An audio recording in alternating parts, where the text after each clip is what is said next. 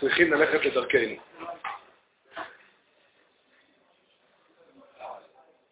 הברכה הרביעית בברכות הנישואים, לכאורה עסוקה בעניין אחר לגמרי. לכאורה היא לא עסוקה בעניין הנישואין עצמם בכלל.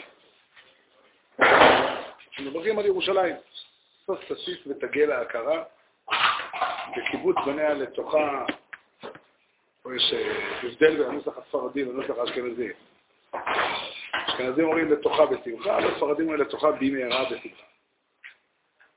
ברוך אתה השם משמח ציון במהרה. לכאורה יש פה דין, דין כללי שצריכים לזכור את ירושלים. זו הלכה שנוגעת להרבה דברים. ההלכה אומרת שצריך להשאיר, אדם שמסייד את ביתו, צריך להשאיר רמה על אמה כדי לזכור את ירושלים. אנחנו נוהגים לקחת לולב בכל אה, שבעת ימי החג, למרות שמדאורייתא רק ביום הראשון חייבים, כדי לזכור את ירושלים, כי במקדש זה נוהג אה, כל שבעת הימים. אז גם, ובמיוחד יש עד שמחה, כך כתוב בפסוק. אם לא אעלה את ירושלים על ראש שמחתי, אז אה, יש חיוב להזכיר את ירושלים. זה הפשט הפשוט, לכן אנחנו מברכים. סוס תסיס ותגל ההכרה. אבל האמת היא שאנחנו מזכירים פעמיים, בברכות של הנישואים, פעמיים מזכירים את, אה, את עניין ירושלים. באמצע הברכה האחרונה, הברכה השישית, אנחנו אומרים, נראה השם אלוקינו יישמע בערי יהודה ובחוצות ירושלים, כל ציפון וכל שמחה. ולכאורה אין צורך להזכיר פעמיים.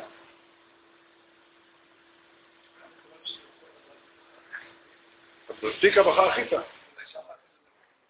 אז מספיק הברכה החיתה לבד.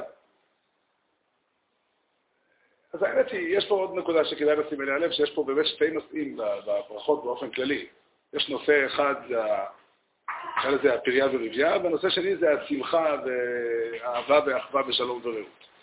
אז אה, שתי הברכות האחרונות עסוקות בצד הזה של הנישואים, ומצד זה מזכירים את ירושלים כמקום שיהיה, שיהיה בה שמחה.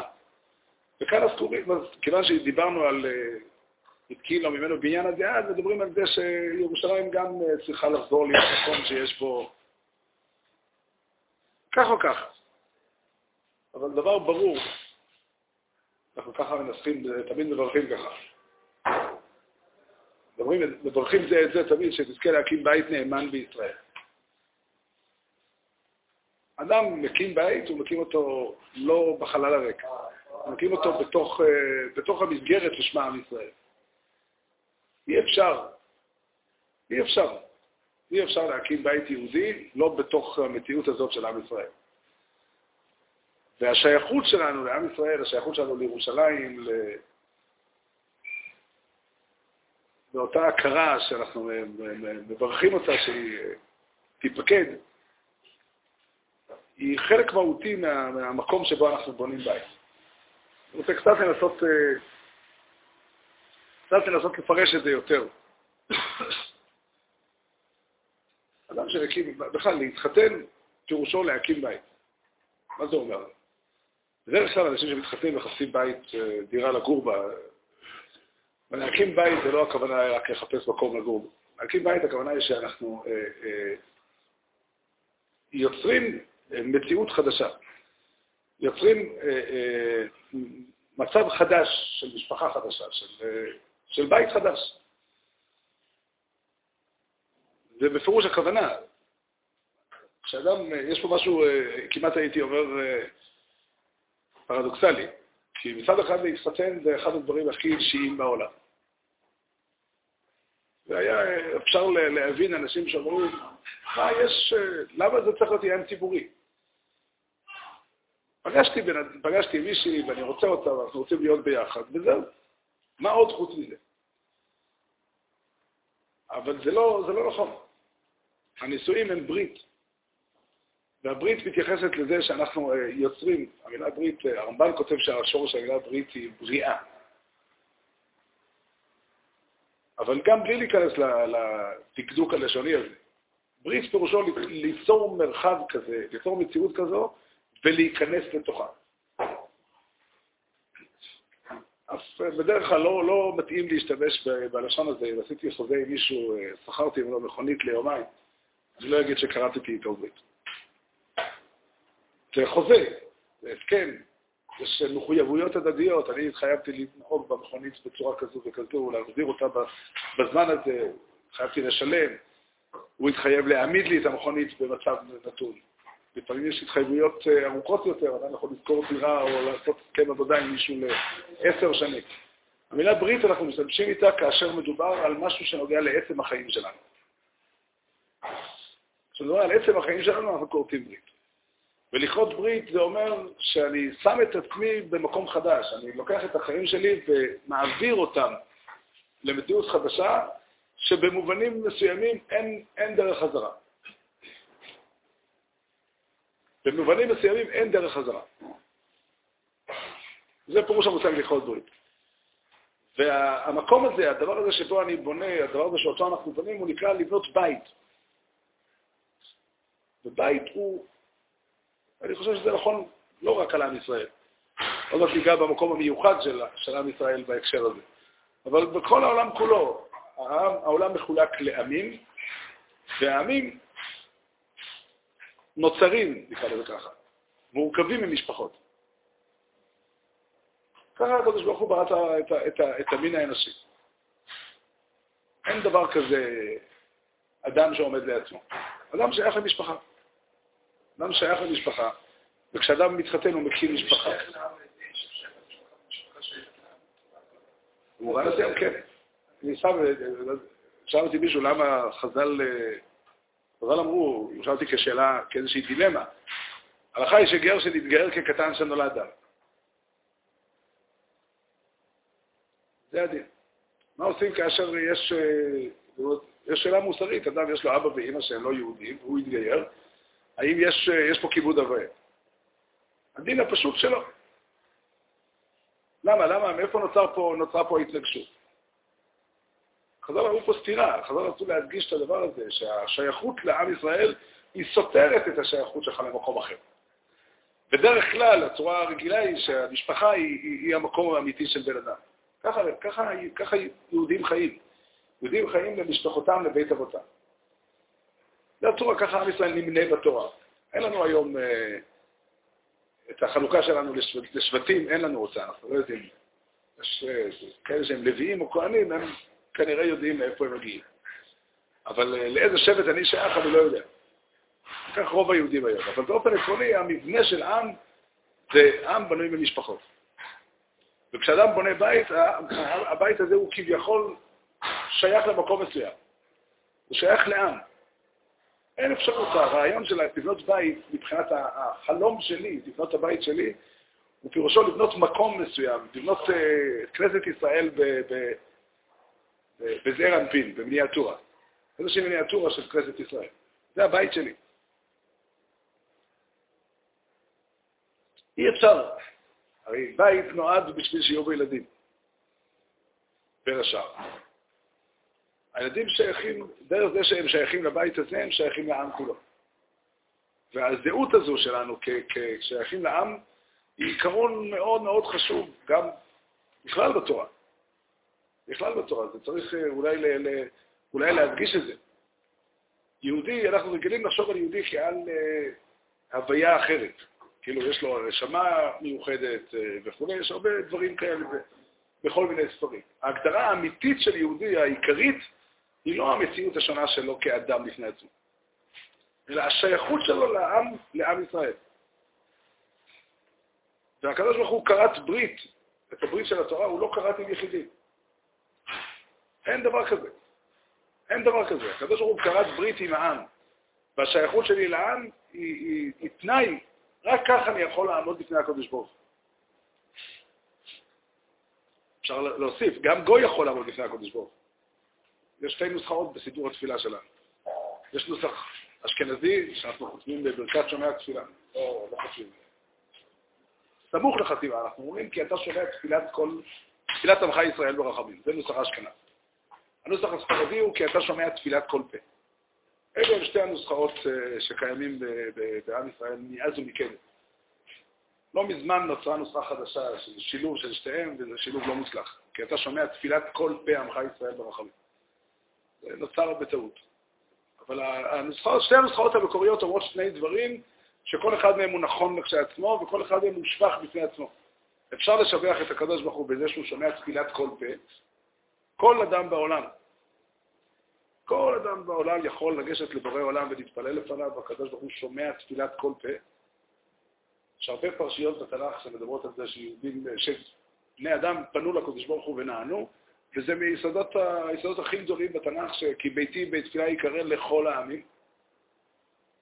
כל אחד יכול לבוא לפנות לתפילה לקדוש ברוך הוא, אבל יש מי שרוצה שהתפילה שלו תתקבל באופן מיוחד, כחלק מהברית שהקדוש ברוך הוא קראת עם עם ישראל, זה כי אתה שומע תפילת עמך ישראל ברחמים. עכשיו, אם אני רוצה לבוא לפני השם ולקבל את היחס המיוחד של יהודי, אני צריך לבוא כחלק מהעם היהודי.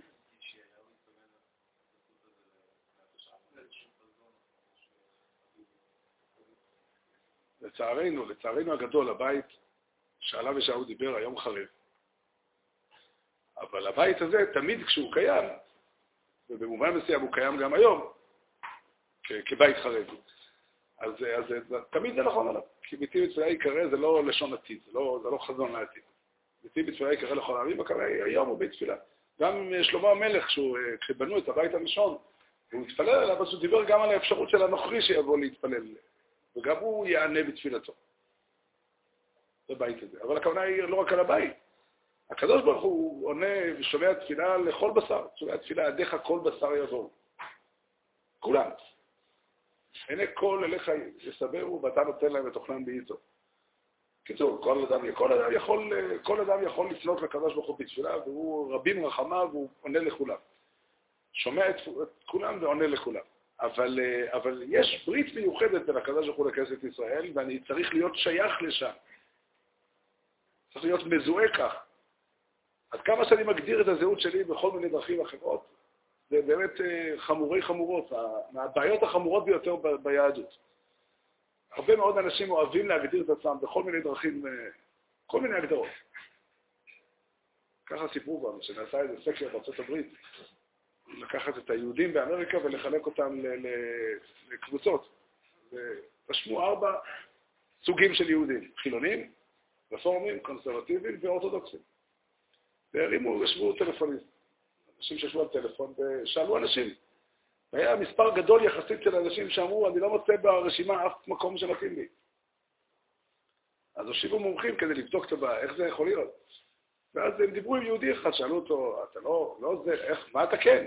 אתה יהודי? הוא אומר, ודאי. אבל לא, אני לא, לא, רפורמי לא מתאים לי. ודאי שלא, קונסרבטיבי, לא, אין לי. מה אתה אומר? אני חסיד בובו. אני לא, לא מוצא ברשימה שום דבר. סתם יהודי דתי, לא, לא, אני... זה, זה בעיה מהותית. הזהות שלנו היא כנסת ישראל. זה המקום שלי בעולם.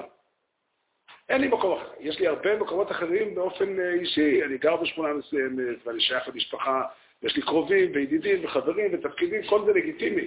זה יכול להיות גם נוגע להלכה באופנים מסוימים. יש הלכה שאני אהיה הלכה קודמים, יש הרבה הרבה הגדרות.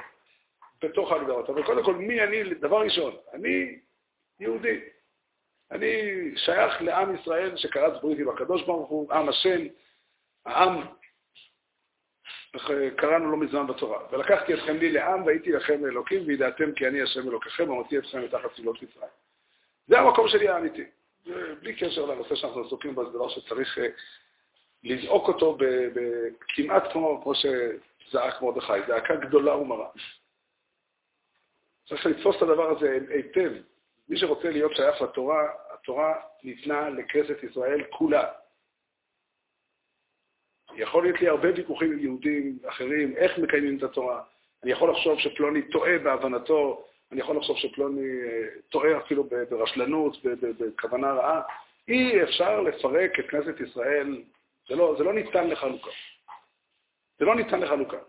אין, זה אחד הדברים הכואבים כל כך זה לא, אני לא מדבר על מידות טובות ועל צנעת חינם, שזה דברים חמורים כשלעצמם וחשובים מאוד בפני עצמם. אני מדבר על התפיסה. על התפיסה היסודית. הקדוש ברוך הוא כרת ברית איתנו, ואין לנו מקום אחר בעולם. אין לנו מקום אחר בעולם חוץ מהברית הזאת. יהודי לא יכול להיות שייך לשום מקום. הוא יכול להיות שייך רק למציאות הזו ששמה כנסת ישראל. שנייה, לא, עוד לא נגעתי בה. זה אמרתי ממש, אה, להשתמש בשפה של הפסוק. ברוב שיחי וכעסי דיברתי עד אין. זה דבר שמכאיב את הלב כל כך, לראות אה, חוסר הבנה בסיסי. אתה מבין, אנשים עסוקים, ב... זה נובע מרצון, מרצון טוב, בגלל שהדברים כל כך יקרים לנו. אז כל הבדל קטן הופך להיות למהותי מאוד, ואולי באמת הוא מהותי. אבל אין לנו ברירה, אנחנו חייבים לדעת שיש לנו ויכוחים ויש לנו הבדלים, אבל עדיין הנושא שלנו, המקום שלנו בעולם הוא כנסת ישראל. כנסת ישראל שאיתה קראת בורא עולם את הברית, ואנחנו, אה, אנו עמך ואתה אלוקינו, אנו רעייתך ואתה דודינו, וכן הלאה. אין, אין מקום אחר. כשאדם אומר, יש כזה הלכה, גמרא מסכת ברכות אומרת את זה, שאדם, אה, בזמנם היו מתפללים בבית הכנסת מחוץ לעיר, ויש מציאות כזאת שאדם אחד, אה, שניים התפללו בבית הכנסת, ואחד גמר את התפילה, והוא הולך ומשאיר את הרוג בבית הכנסת לבד. אז הגמרא אומרת שטורפים תפילתו בפניו. ועליו הכתוב אומר, למענך תעזב ארץ ויעתק צור ממקומו. כביכול, מה חשבת? שהקדוש ברוך הוא אה, עזב את השמיים וירד לארץ לשמוע את התפילה שלך? זה לא נכון. הקדוש ברוך הוא ירד מהשמיים ולשמוע את התפילה של עם ישראל כולו. אתה גם אחד מעם ישראל. בתור, בתור אחד מעם ישראל מגיע לך הכל. זה הסיבה, זו הבעיה. אבל הטענה על אותו אדם זה לא שהוא מסכן את חברו, אלא שהוא הבין לא נכון את התפילה. למענך תעזב ארץ, נראה לך שברגע שגמרת להתפלל, אז הקדוש ברוך הוא כבר עלה לשמיים חזרה כאילו? או ויעתק צור ממקומו, מלמעלה למטה, לארץ כדי לשמוע את התפילה שלך, אתה לא, לא התפללת נכון. לא מדובר פה, הטענה שטוענים על היהודי הזה זה לא שהוא אה, נהג באופן לא נכון עם חברו. זה עוד טענה שצריך לשקול אותה. הטענה שחז"ל מדברים עליה, שהתפיסה שלו בתפילה היא תפיסה שקרית. הוא חושב שהקדוש ברוך הוא שומע את התפילה שלו. אני, אני אומר בן הרב שול אביגדור, זה... הוא פונה, כשאני אומר את זה ככה, אם אני פונה לקדוש ברוך הוא לשם הזה, אז הקדוש ברוך הוא אומר, מה? לא מכיר את השם. אה? בתור גוי אין שמות. בתור גוי תבוא כבן אדם. אתה רוצה לבוא עם, אה, מה שנקרא, מתוך ידידות והיכרות קודמת, לסמוך גאולה לתפילה, לסמוך גאולה לתפילה, אז תבוא, אלוקי אברהם, אלוק, השם אלוקינו ואלוקי אבותינו, אלוקי אברהם, אלוקי יצחק ואלוקי יעקב.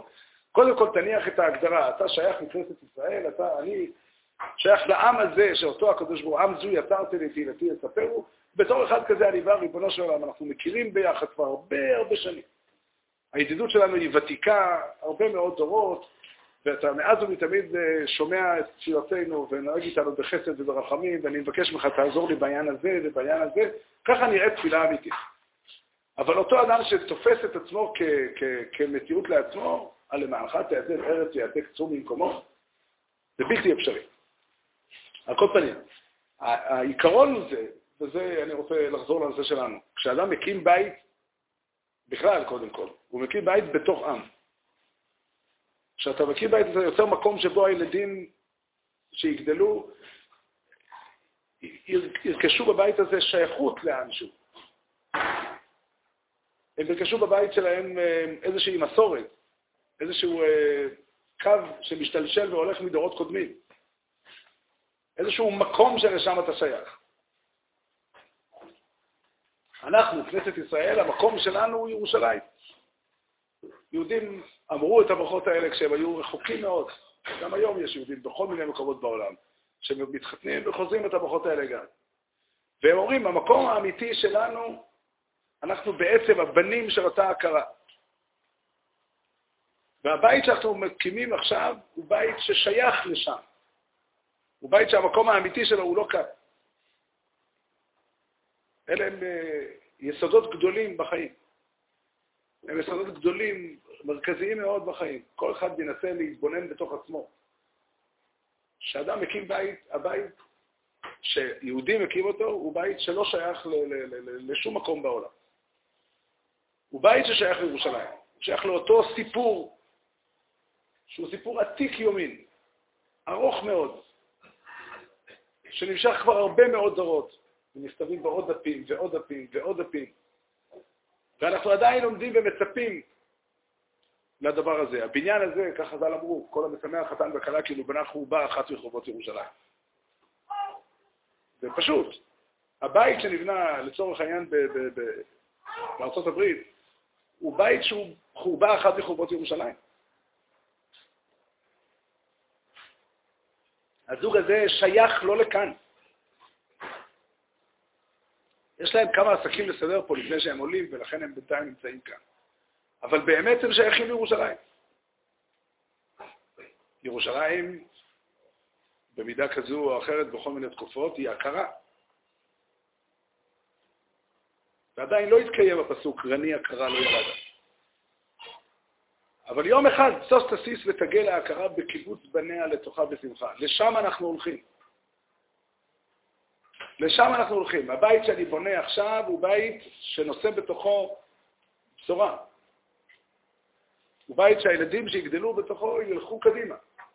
הם חלק מאותו סיפור ארוך שמתחיל ביציאת מצרים והולך ממצרים לירושלים, והוא אותו בית שהיה שותף לחורבן הגדול של ירושלים.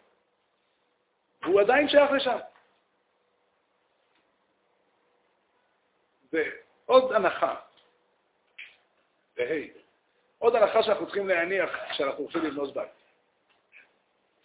קודם כל, השייכות הלאומית היא, עקרונית מאוד, היא מאוד מאוד עקרונית. בדורות האחרונים נוצר איזשהו ויכוח, כל מיני נוסחאות של לאומיות יהודית.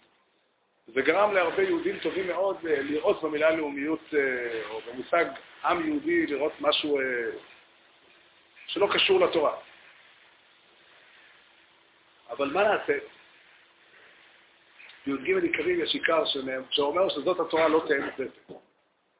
לא מפני שרשעים רוצים לשנות אותה, ולא מפני שצדיקים רוצים לשנות אותה. התורה היא אותה תורה תמיד. והתורה שמה את המושג של עם ישראל במרכז. אי אפשר להבין את התורה אחרת. אי אפשר להבין את התורה אחרת. אחד הדברים שמקשה עלינו להבין את התורה, כי אנחנו רחוקים קצת מעולם המחשבה הזה. אבל יציאת מצרים היא לא רק אירוע שבו גילו את כבוד השם, או את יכולתו, או את, את מה שנקרא כי אני השם בקרב הארץ, או כי אין כמוני בכל הארץ. יציאת מצרים היא המקום שבו נוצר עם ישראל. זה הייעוד של יציאת מצרים. ולקחתי אתכם לי לעם והייתי לכם לאלוקים. ויציאת מצרים נקראת בשפה של יחזקאל הנביא יום הולדת אותה. יום ההולדת של עם ישראל. אי אפשר, אי אפשר בכלל להיות יהודי בלי הדבר הזה, וודאי אי אפשר להקים בית יהודי. לא, עכשיו, הסיבה שחתונה היא אירוע ציבורי, היא אירוע, אה, אירוע מקודש. היא בגלל שהבית שנבנה, שבנו אותו שתי אנשים, שני אנשים שבחרו באופן אישי, הוא אמר, היא ישרה בעיניי.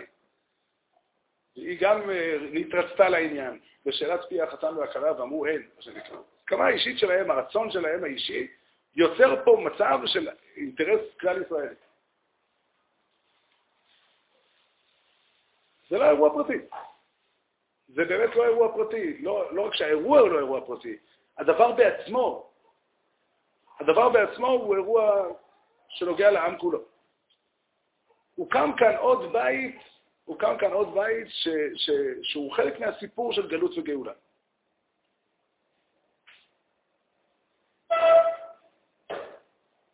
הוקם כאן בית שהוא חלק מהסיפור של גלות וגאולה, והוא הולך קדימה, הוא הולך קדימה, הוא הולך עם הציפייה, עם העיניים, קדימה. ככה, ככה זה, זה, זוהי הנחת היסוד שניתנה כאן. עכשיו, חוץ מהשייכות הלאומית בכלל, צריך לשים פה עוד נקודת דגש. כיוון שהברכה הזאת נתקנה, ואנחנו חיים הרבה מאוד שנים כבר במציאות של גלות, אז להיות שייך לעם ישראל זה לא רק להיות שייך סתם לעם ישראל, אלא להיות שייך לגלות ולגאולה. להיות שייך לגלות ולגאולה זה אומר לשאת על הכתפיים שלנו, לשאת על הכתפיים שלנו את הסיפור של הגלות, את הסיפור של החורבן, ולחיות מתוך ציפייה לגאולה. בגמרא בשבת כתוב שאדם מגיע לדין, אז שואלים אותו שאלה ראשונה, נסעת ונתת באמונה, שאלה שנייה, קבעת עיתים לתורה. המשך. עסקת בפריאה ורבייה, וציפית לישוע. עסקת בפריאה ורבייה וציפית לישוע. זה שתי תפקידים נוספים, שני תפקידים נוספים שמוטלים על האדם. עסקת בפריאה ורבייה, זאת אומרת, האדם מצווה מצד יוצא מן התורה, ונראה מהרשימה של השאלות שלא מדובר על שאלה על מצווה פרטית. לא שואלים את האדם האם הוא לקח את רוב. ברשימה הזאת זה לא מופיע. אין ספק שגם זה חלק מה, מהסיפור שאדם נשאל. אבל הרשימה של ששת השאלות האלה הן שאלות של אה, מהות, שאלות של מהות. איפה אתה נמצא? לאן אתה שייך? עסקת בפעילה ורבייה זה הכוונה היא, אתה לא אדם לעצמך, אתה לא אדם לעצמך, אתה חלק מהמערכת שבונה את העולם של הקדוש ברוך הוא, וציפית לישועה פירושו, אני הולך לקראת. המקום שלי בחיים הוא מקום של ציפית לישועה. זה משהו שהוא באופי של עם ישראל.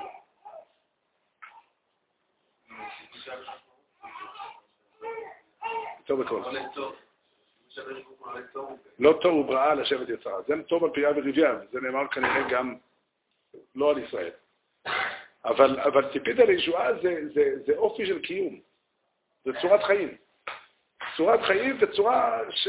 מסוימת שבה אנחנו אה, שמים, מניחים את היסוד לבית שנבנה פה, כאן. אני רוצה להסביר את זה קצת יותר.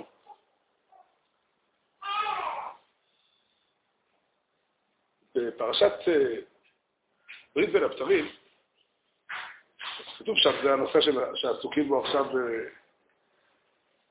בפרשות השבוע, גלות וגאולת מצרים. אבל השורש של הדברים הוא ברית בין הבתרים, שם התחיל הסיפור. שם כתוב שאברהם אבינו שואל שאלה, במה ידע כי יירשם? הרבה התעסקו בשאלה הזאת. למה כשמבשרים אותו את צורת הבנים, אז הוא אומר, והאמין בהשם, וכשמבשרים אותו את הבשורה של הארץ, אז הוא שואל, במה ידע כי יירשם? אני חושב שהשאלה היא שונה לחלוטין. הוא לא שואל מתוך חוסר אמונה. הוא שואל שאלה אחרת לגמרי. כיוון שהסיפור של ברית בין הבצרים היה אחרי מלחמת ארבעת המלכים, שכתוב בפסוק מפורש, אחר הדברים האלה, ואברהם אבינו למד מהסיפור שהעתיד שהקדוש ברוך הוא מבטיח לו הוא לא עתיד שהקדוש ברוך הוא יעשה אותו לבד, אלא הוא בנוי על זה שיהודים יצטרכו להילחם עליו. יצטרכו להילחם על הארץ, ויצטרכו להילחם על האמונה, יצטרכו להילחם על החזקת היהדות. ואז אברהם אבינו שואל שאלה שהיא שאלה רצינית. כל מה שהקדוש ברוך הוא מבטיח שהוא יעשה, אנחנו יכולים לסמוך עליו לגמרי. לאברהם אבינו אין ספק, והאמין בהשם ויחשבי על עוד דקה. אבל כשמדובר לא על אה, מה שהקדוש ברוך הוא יעשה, אלא מה שיעשו יהודים, מה שואל אברהם אבינו, במה ידע כי ירשנה? מניין אני יכול לדעת שהם יכבשו את הארץ? אולי יום אחד יראה להם שאפשר לחיות במקום אחר לגמרי ולהסתדר שם. או לחיות בארץ הזאת, אבל בלי אמונה. וזו לא שאלה של חוסר אמונה, זו שאלה שדורשת תשובה. והרי התברר כבר לאברהם אבינו שאם עם ישראל לא יילחם, אז זה לא יהיה. הצורה, התוכנית שהקדוש ברוך הוא מתכנן היא לא תוכנית שהקדוש ברוך הוא ערב עליה לבדו, אלא היא בנויה על שילוב של מעשים של בני אדם, שהקדוש ברוך הוא ייתן להם כוח לעשות את זה. אז במה ידע כי יירשנה? הכל מכוון אליה.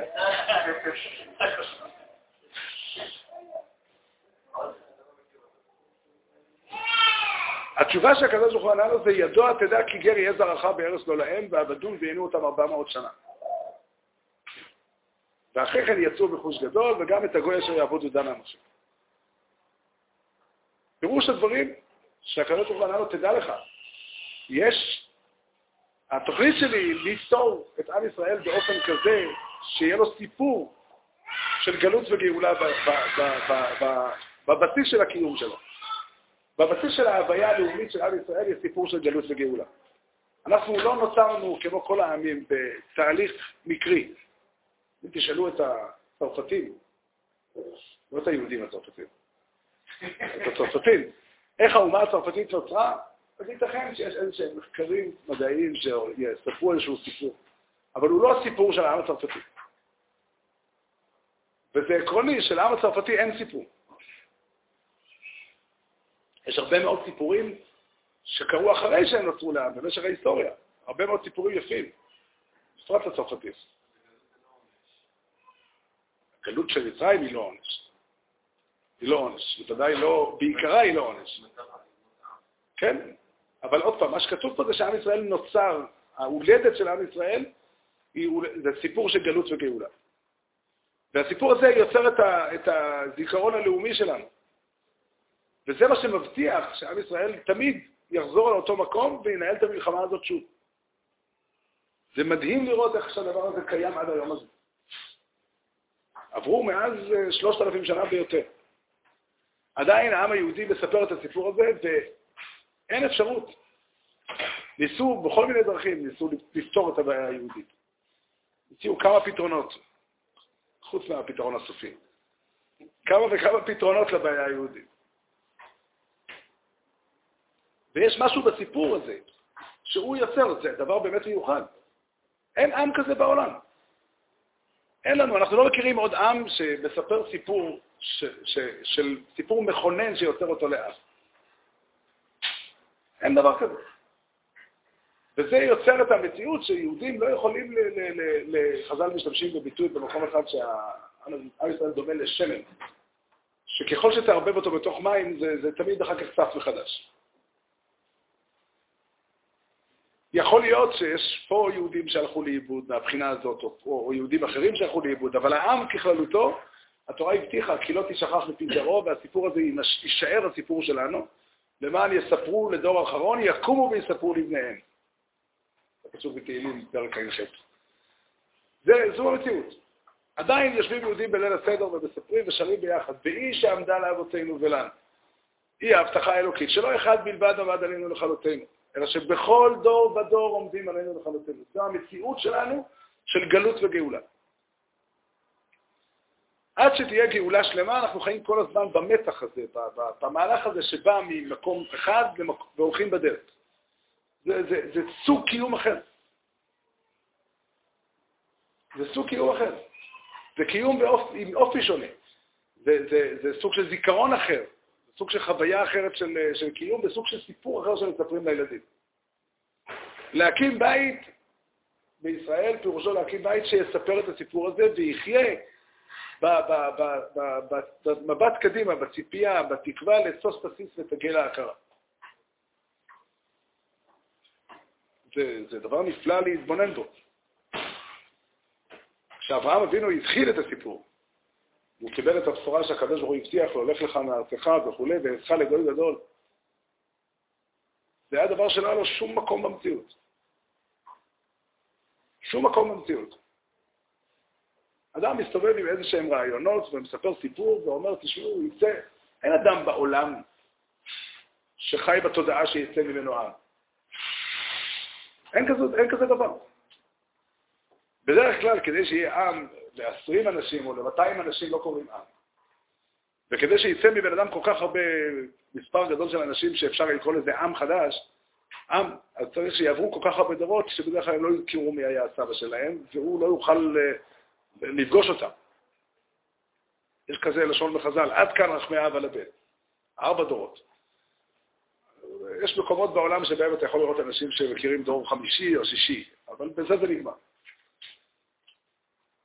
המציאות של אדם שהוציא, שהלך בתודעה הזאת להקים עם, את עם השם, עם של הקדוש ברוך הוא, זה מה שאברהם אבינו עשה מכוח ההבטחה שהקדוש ברוך הוא הבטיח לו. מכוח ה"ואמין בהשם ויחשבי על עוד דקה". והסיפור הזה יהפוך להיות לא, לא רק לסיפור לאדם פרטי, אלא לסיפור לעם שלם ביציאת מצרים. ומיציאת מצרים אנחנו הולכים גם אחרי החורבן הנורא, שירושלים הפכה להיות להכרה. אנחנו הולכים הלאה וחיים במקום הזה. חיים במקום הזה, חיים מתוך הסיפור הזה של ההבטחה האלוקית. אנשים, אה, זה באמת דבר לא פשוט. הרבה מאוד אנשים בארץ הזאת ובעולם כולו עסוקים, מוטרדים מהשאלה הזאת. הרבה מאוד יהודים. באיזה אופן אני יכול אה, לבלוע את היהדות שלי אם אני אדם אה, שמתקשה להצהיר בקול על האמונה שלי? זו בעיה רצינית. מאוד קשה, מאוד קשה. אני לא... לא אני חושב ש, שיש הרבה מה לרחם עליהם. הם באמת מוטרדים בשאלה שאין לה תשובה. הסיפור היהודי לא סובל תפיסת עולם חילונית. מה נעשה?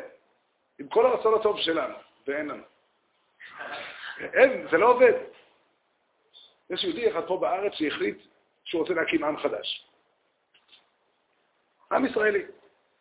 הוא הכריז את זה. כל היהודים שמחוץ לארץ ישראל לא מעניינים אותי, אני מוכן לתת עשר שנים שמי שירצה יוכל לעלות. וכל האנשים שגרים בארץ, לא משנה מאיזה עם הם מגיעים, הם שייכים הזה. בואו תראו כמה זה מגוחך וכמה זה בלתי אפשרי. קודם כל, שאלה ראשונה אני רוצה לשאול, האם הערבים שגרים בארץ מוכנים להצטרף לעם הזה? עכשיו בואו נשאל, כמה יהודים מוכנים להצטרף לעם הזה? קצת יותר מערבים, אבל גם לא מספר שאפשר להקים ממנו עם. למה זה ככה? זה פשוט, כי אף אדם בעולם לא יכול להקים עם. אין דבר כזה להקים עם. הרעיון להקים עם הוא רעיון משוגע. עמים נוצרים. לא, לא, אף אחד לא מקים עם. אין דבר כזה. עם זה קטגוריה חיונית לקיום האנושי, זה אדם חיים בתוך עמים, בכל העמים כולם, כל האנשים בעולם. היה פעם... אה, סיפרתי את זה פה אולי, אני לא זוכר, אבל אה, בחור אחד שעבר, סיפר שהוא אה, הוא במשך שנים ארוכות בחור יהודי שגדל פה בארץ, היום הוא צדיק. הוא אמר, שנים חשבתי, תפסתי את עצמי כקוסמופוליט. אני אזרח העולם. ופעם אחת ישבתי בחוף ים באוסטרליה, ישבתי עם כמה חברים לא יהודים, ואמרנו, שאלו כל אחד שאל לאיזה עם אתה שייך. אחד אמר שהוא קנדי, אחד אמר, לא זוכר את ה... אחד היה צרפתי. והוא אומר, מי אתה? אני קוסמופוליט. אז הוא אומר לו, יהודי. אומר לו, למה אתה חושב כך? הוא אומר, אתה לא יודע, רק ליהודים יש את המחלה הזאת. הוא אומר, הוא תפס, הוא הוא פגש כמה חברים בבני עמו, אבל כולם היו יהודים. מאיפה זה מגיע? ישנה בעיה אמיתית של זהות יהודית. למי שלא, לא, הסיפור שלהם יצא, עם ישראל הוא עם עם סיפור. אין לערבים אין סיפור.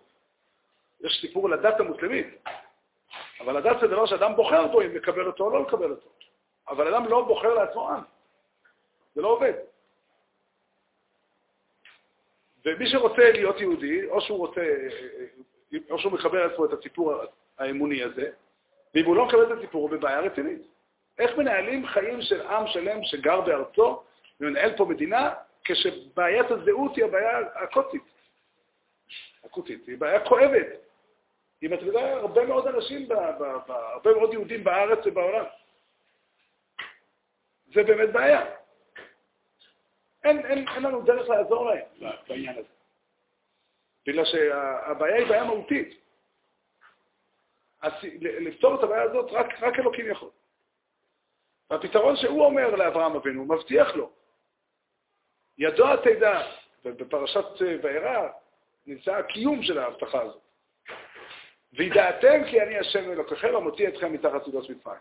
זה מה שעושה אותנו לעם, ולקחתי אתכם לי לעם והייתי לכם לאלוקים, וידעתם כי אני השם אלוקיכם המוציא אתכם מתחת סודות מצרים. הידיעה הזו היא יוצרת אותנו לעם. הידיעה של גלות ושל גאולה. ככה זה עובד. וכשיצאנו לגלות פעם נוספת, ופעם, עוד פעם נוספת, והעיר שלנו הפכה להיות עוד פעם הכרה, אז אנחנו חזרנו לאותו מקום.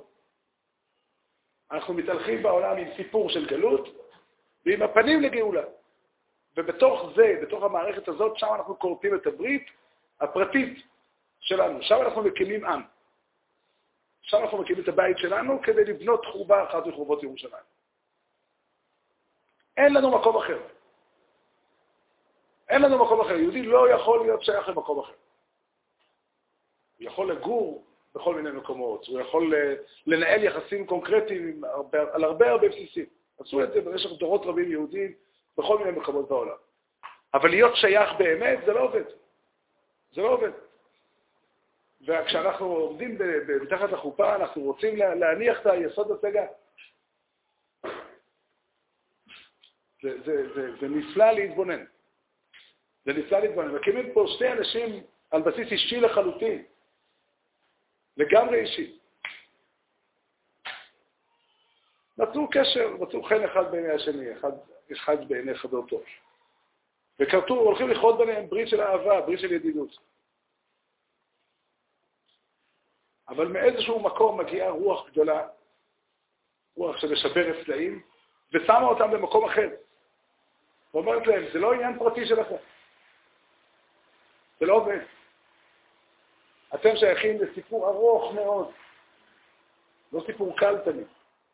אתם שייכים לסיפור ארוך מאוד שהוא סיפור של גלות וגאולה. זה המקום שלכם האמיתי, אפילו השם של ההכרה לא מוזכר כאן.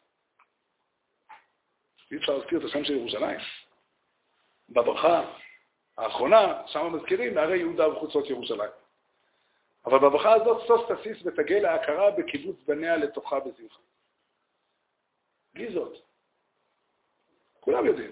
אה? משמח ציון, אתה צודק. צודק.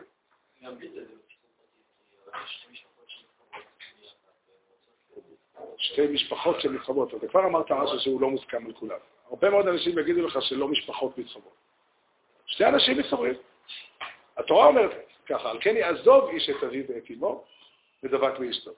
כן.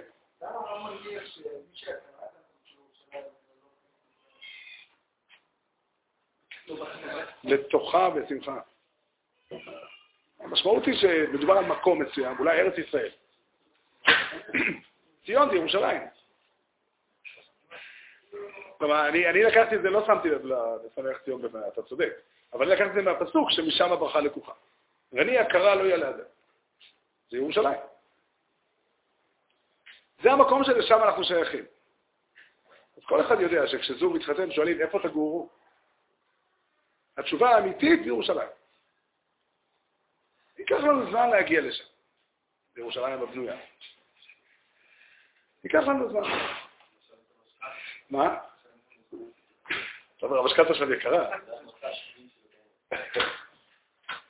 ייקח לנו זמן. יש פה משהו, אה, אה, אה, כמעט הייתי אומר, לא נורמלי. הצורה שיהודים חיים בהיסטוריה היא באמת צורה לא נורמלית. תרשו לי לספר על סיפור, אני לא יודע אם הוא סיפור נכון, אבל ככה מדברים על נפוליאון. מספרים שנפוליאון הגיע במוצאי שבת לבית הכנסת, ושומע, רואה יהודי מתפלל בכוונה. קידוש לבנה. אז אנחנו אשכנזים, יש כזה יהי רצון אחרי קידוש לבנה, למלות פגימת הלבנה ולא יהיה בה שום מיעוט. הוא שואל אותו, תרגם לי בבקשה לצרפתית את מה שאתה מבקש.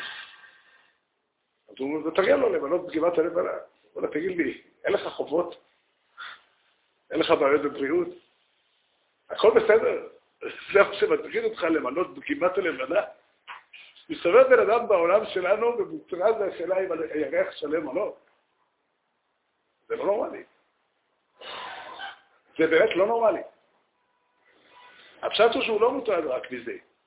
הפשט שהוא מבין שכל הבעיות שלו הן חלק מאיזשהו משהו אה, גדול מאוד, מבעיה קוסמית. אבל, אבל, אבל הקיום של יהודים בעולם, משהו מוטבע בהם, בסיפור הלאומי שלהם, שהם לא יכולים לצאת ממנו. כעם, כעם הם לא יכולים, זה לא יכול להימחק. וזה המקום שלשם אנחנו בונים. אדם עומד מתחת לחופה והוא אומר ל... למי שעומדת להיות אשתו, הוא אומר לה, הרי את מקודשת לי, הולך לשאת אותה לאישה, הוא מתחייב התחייבויות וכולי. הוא כורת ברית.